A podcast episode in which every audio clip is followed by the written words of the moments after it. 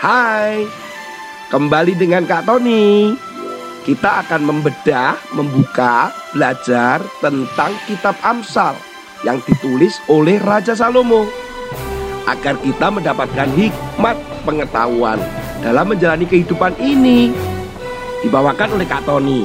Tuhan Yesus memberkati.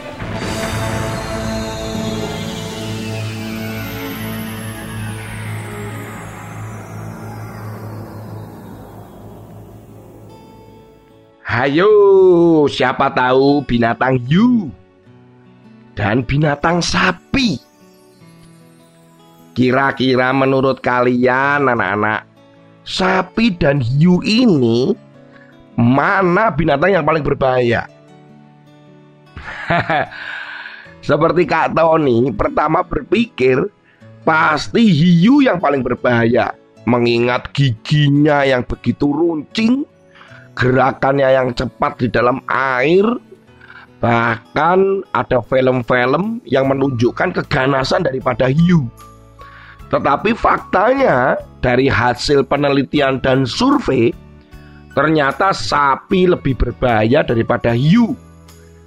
Di Amerika Serikat kematian akibat diserang hiu rata-rata hanya seorang dalam satu tahun.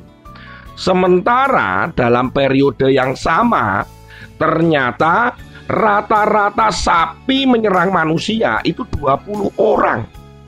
Berarti sapi lebih banyak menyerang manusia dan berbahaya. Kalau hiu menyerang manusia itu karena manusia dianggap seperti makanannya. Tetapi berbeda dengan sapi. Sapi itu menyerang manusia karena sengaja ingin mencelakakan manusia. Wah, berarti sapi ini membenci manusia kali anak-anak. Mungkin karena dagingnya kita makan dan jadi sapinya jadi sakit hati. ya, sapi membenci manusia. Eh, ngomong-ngomong tentang benci, kita masuk di dalam Amsal pasal 1 ayat yang ke-29 nih. Oleh karena mereka benci kepada pengetahuan, dan tidak memilih takut akan Tuhan, tidak mau menerima nasihatku, tetapi menolak segala teguranku, maka mereka akan memakan buah perbuatan mereka dan menjadi kenyang oleh rencana mereka. Anak-anak, kebencian ini sangat berbahaya sekali. Kalau kita sudah benci, Seandainya kalian benci dengan gurumu, maka apa yang dikatakan gurumu, apa yang dinasehatkan ketika kalian mendapatkan tugas dari gurumu, maka kalian akan tidak melakukan.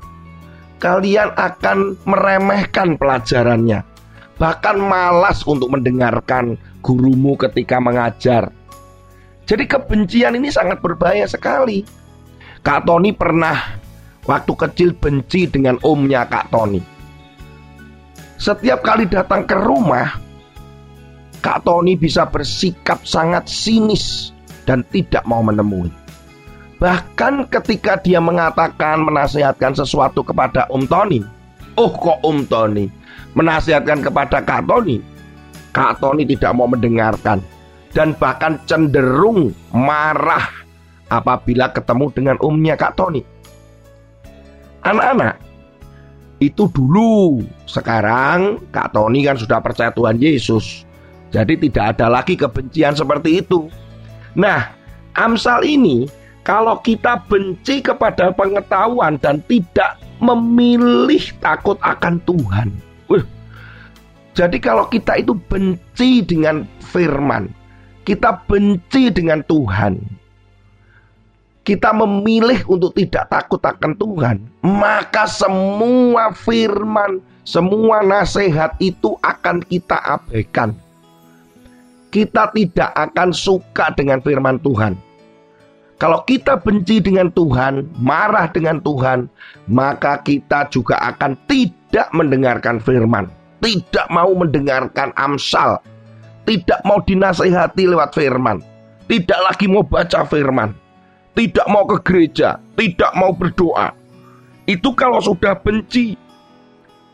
Bahaya sekali anak-anak. Jangan jadi seperti sapi. Oh, maksud saya, janganlah kita membenci. Mungkin kalian pernah punya pengalaman bersama dengan Tuhan dan kalian kecewa sehingga kalian benci. Sehingga sekarang tidak mau lagi membaca firman, tidak mau ke gereja, tidak mau berdoa. Hati-hati loh anak-anak, karena ada akibatnya. Di ayat 31, maka mereka akan memakan buah perbuatan mereka dan menjadi kenyang oleh rencana mereka. Dengan kita tidak mau mendengarkan firman, tidak membaca firman, maka ada akibatnya. Aduh, kalau akibatnya membuat kita celaka dan membuat kita menderita. Waduh, sayang loh anak-anak. Mari kita memilih untuk mencintai Tuhan. Sehingga kita bisa mendengarkan firman Tuhan, kita bisa membaca firman Tuhan, melakukan firman Tuhan apa saja yang ditulis, kita dengar. Ayo, jangan membenci. Jangan membenci Tuhan. Jangan membenci firman makan daging sapi aja.